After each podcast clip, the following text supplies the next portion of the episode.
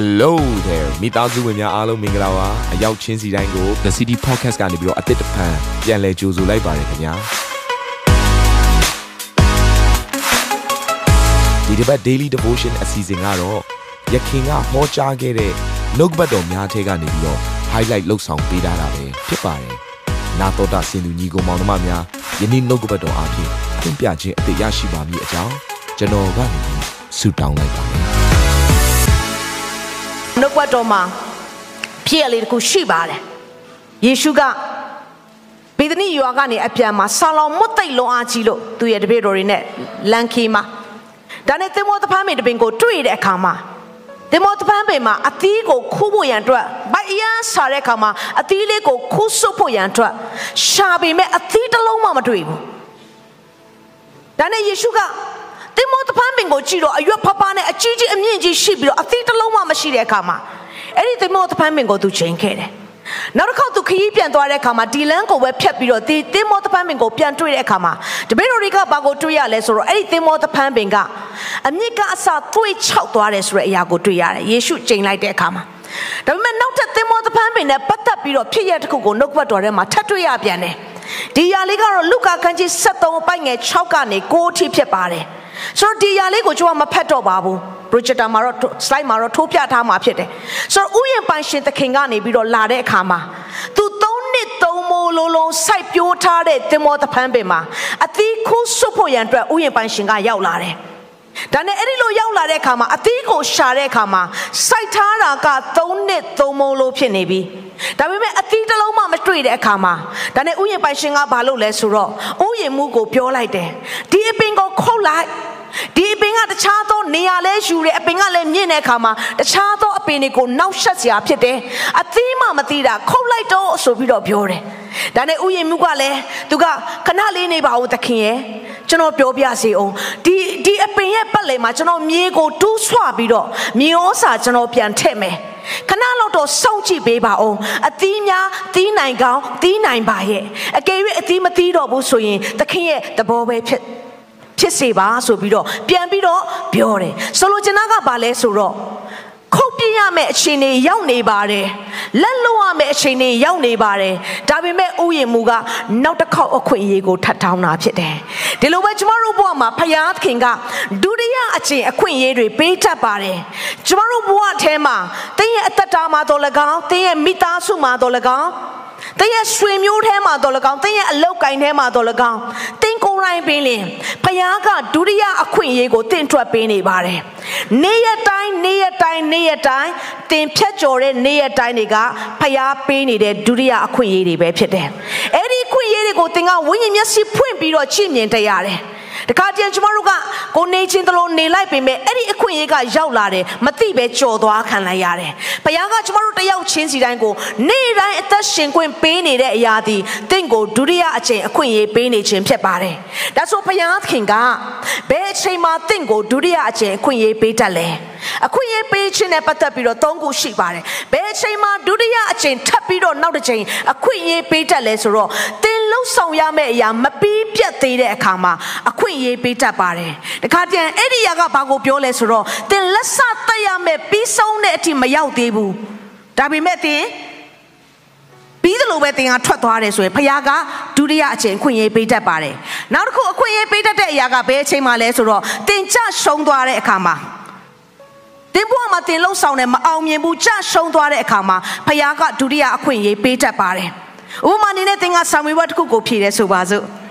ဆာမွေဘွဲကိုဖြေလိုက်တယ်ဒါပေမဲ့တင်ကမအောင်မဲနဲ့ကြာသွားတယ်ဒါနဲ့ဘာလို့လဲဆိုတော့ moderation ပြန်ထိုင်ရတယ်အခုခေတ်နဲ့ဆိုရင်တော့ကအစင်မဟုတ်ပဲခအစင်ဖြစ်သွားတာပေါ့ပြန်ဖြေရတာပေါ့ဒုတိယအခွင့်အရေးပေးတတ်တယ်ဒါပေမဲ့ဒုတိယအခွင့်အရေးပေးလိုက်တဲ့အခါတိုင်းမှာသင်ကအဲ့ဒီအခွင့်အရေးကိုအမိရယူတတ်ရတယ်နောက်ကဘုရားကဘယ်အချိန်မှာအခွင့်အရေးပေးတတ်လဲဆိုတော့ကျမ တို့ကြော်လွန်လိုက်တယ်တနည်းအားဖြင့်ရှောင်ထွက်သွားတယ်ရေမဆိုင်ခြင်းတဲ့အခြေအနေမှာလဲဒုတိယအခွင့်အရေးပေးတတ်ပါတယ်သင်ကြောက်လို့ပဲဖြစ်နေပါစေမကြိုက်လို့ပဲဖြစ်နေပါစေရင်မဆိုင်ခြင်းလို့ပဲဖြစ်နေပါစေပြန်ထိတ်တိုက်ရင်ဆိုင်ဖို့ရန်အတွက်လဲဖရာသခင်ကဒုတိယအခွင့်အရေးပေးတတ်ပါတယ်ဒါဆိုရင်အခွင့်အရေးလို့ပြောလာပြီးဆိုရင်အခွင့်အရေးတိုင်းမှာကန့်သက်ချက် limit ရှိပါတယ်ဒီတော့လူတယောက်က သူကရေနစ်သွားတဲ့အခါမှာပင်လယ်မှာသွားရင်းနဲ့မှရေနစ်သွားတဲ့အရာကိုကြုံရတဲ့အခါမှာတခါရတယ်ကျွန်တော်ကိုကဲပါဖယားတကယ်ကျွန်တော်ကိုကဲပါဆိုပြီးတော့သူကဖယားကိုအော်ဟစ်တယ်ဒါနဲ့သူဘေးနားကနေပြီးတော့လေတစည်းကဖြတ်သွားတယ်ဒါနဲ့လေကသူ့ကိုတွေ့တယ်ရေနစ်နေတာကိုညီလေးလာခဲ့ပါတဲ့ကျွန်တော်လေပေါ်လာတတ်တယ် ဒါနဲ့သူကမဟုတ်ဘူးငါခေါ်နေတာဖယားသခင်ကိုခေါ်နေတာမင်းကိုခေါ်နေတာမဟုတ်ဘူးဒါကြောင့်ရတယ်မင်းသွားလိုက်ငါဖယားကိုပဲဆက်ခေါ်မယ်ဒါနဲ့လေကမာနကြီးတဲ့သူကိုဆက်မခေါ်တော့ဘူးလေကြော်သွားပြီပေါ့ဒါနဲ့တောင်းနေကြတော့ထပ်ပြီးတော့သင်္ဘောတစ်စီးကရောက်လာတယ်ရေနစ်နေတာတွေ့တယ်သူကတော့ဘုရားသခင်ကျွန်တော်ကိုကယ်ပါသင်္ဘောကလာလာကလာခဲ့လာမင်းရေနစ်နေတဲ့အမြန်တက်မဟုတ်ဘူးမဟုတ်ဘူးကျွန်တော်ခေါ်နေတာဘုရားသခင်ကိုခေါ်နေတာခမားကိုခေါ်နေတာမဟုတ်ဘူးအဲ့အတွက်ကြောင့်မလို့ခမားသင်္ဘောပေါ်ကျွန်တော်မလိုက်နိုင်ဘူး ပြောလို့မရတဲ့သူဆိုတော့ကြော်သွားအောင်နည်းနည်းကြတော့သူဘုရားသခင်ကျွန်တော်ကိုကယ်ပါတဖြည်းဖြည်းနစ်နေပြီနစ်နေပြီတော်တော်နစ်နေပြီဒါနဲ့ဟယ်လီကော်ပတာနဲ့တစည်းကရောက်လာတယ်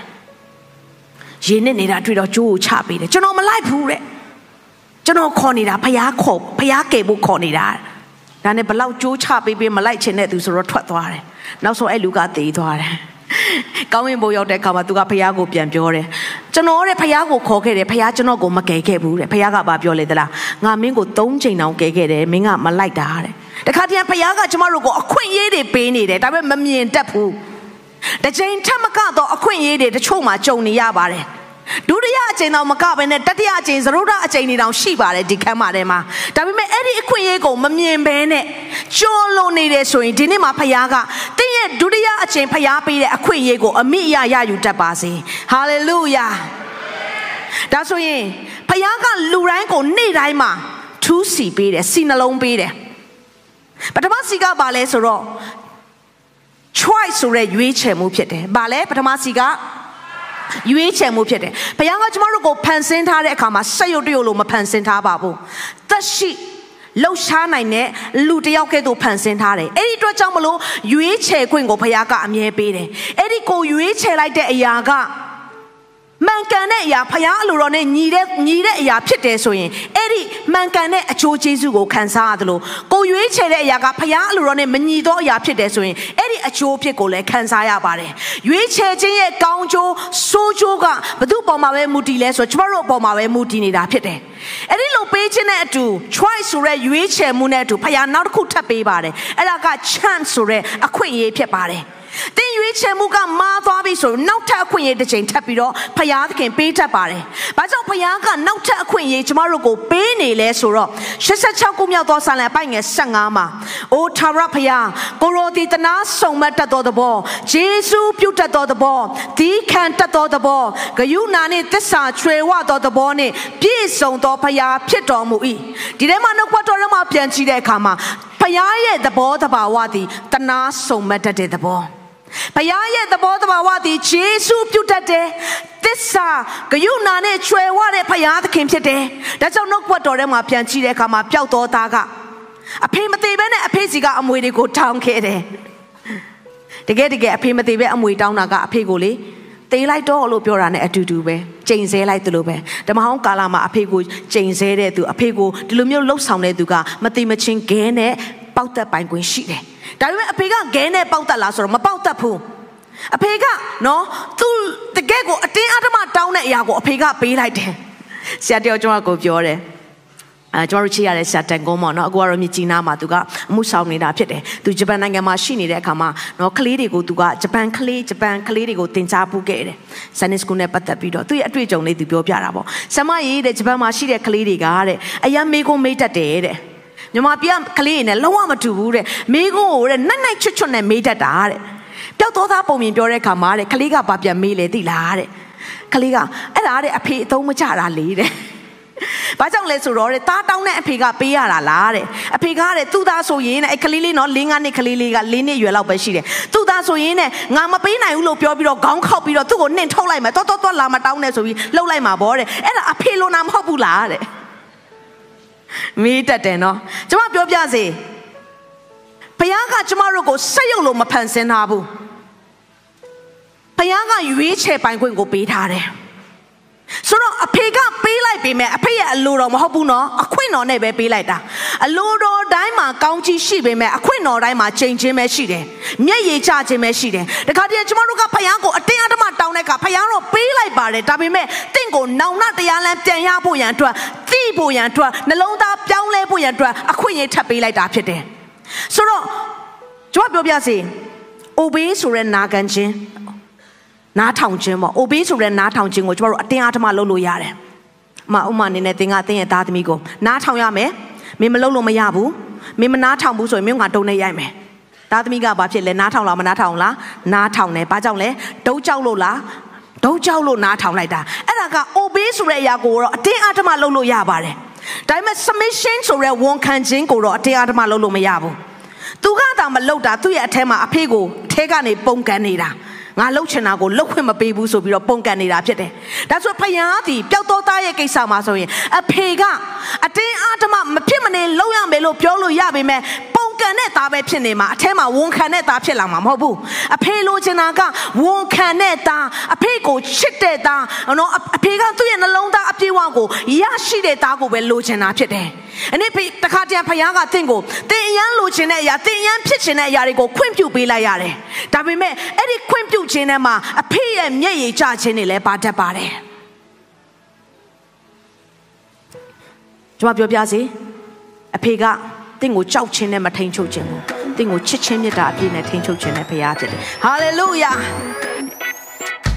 ဒီအစီအစဉ်လေးအပြင်တင်းရဲ့အသက်တာမှာကောင်းကြီးဖြစ်မယ်ဆိုတာကိုကျွန်တော်ယုံကြည်ပါတယ်ဗီဒီယိုကြည့်ပြီးခံယူလို့ဒီများအတွက်အပတ်စဉ်တရားဟောခြင်းများ Bible Study ကြီးမွန်ကိုးကွယ်ခြင်းနဲ့အခြားသောအကြောင်းအရာတွေဟာတင်းအတွက်အဆင်ပြေရှိနေပါတယ် YouTube မှာ The City Space TV လို့ရိုက်ထည့်လိုက်တဲ့အခါကျွန်တော်တို့ကိုတွေ့ရှိမှာဖြစ်ပါတယ် Subscribe လုပ်ခြင်းအပြင်တင်းနဲ့ထက်ချက်မကွာအမြင်ရှိနေပါပါ ဒါအပြင် Facebook မှာလည်း The City ရန်ကုန်လို့ရိုက်ထည့်လိုက်တဲ့အခါတည်အချက်အလက်နဲ့ poster တွေကိုအချိန်နဲ့တပြေးညီတွေ့ရှိအောင်မှာဖြစ်ပါတယ်ခင်ဗျာ The City Podcast ကိုနားထောင်ကြတိုင်းဖျားသခင်ရဲ့ထူကြသောဖွင့်ပြချက်နဲ့ကောင်းကြီးမင်္ဂလာများခံစားမိကြောင်းကျွန်ုပ်ဆုတောင်းရင်ဒီ season လေးကိုဒီမှာပဲညံ့နာပါရစေခင်ဗျာ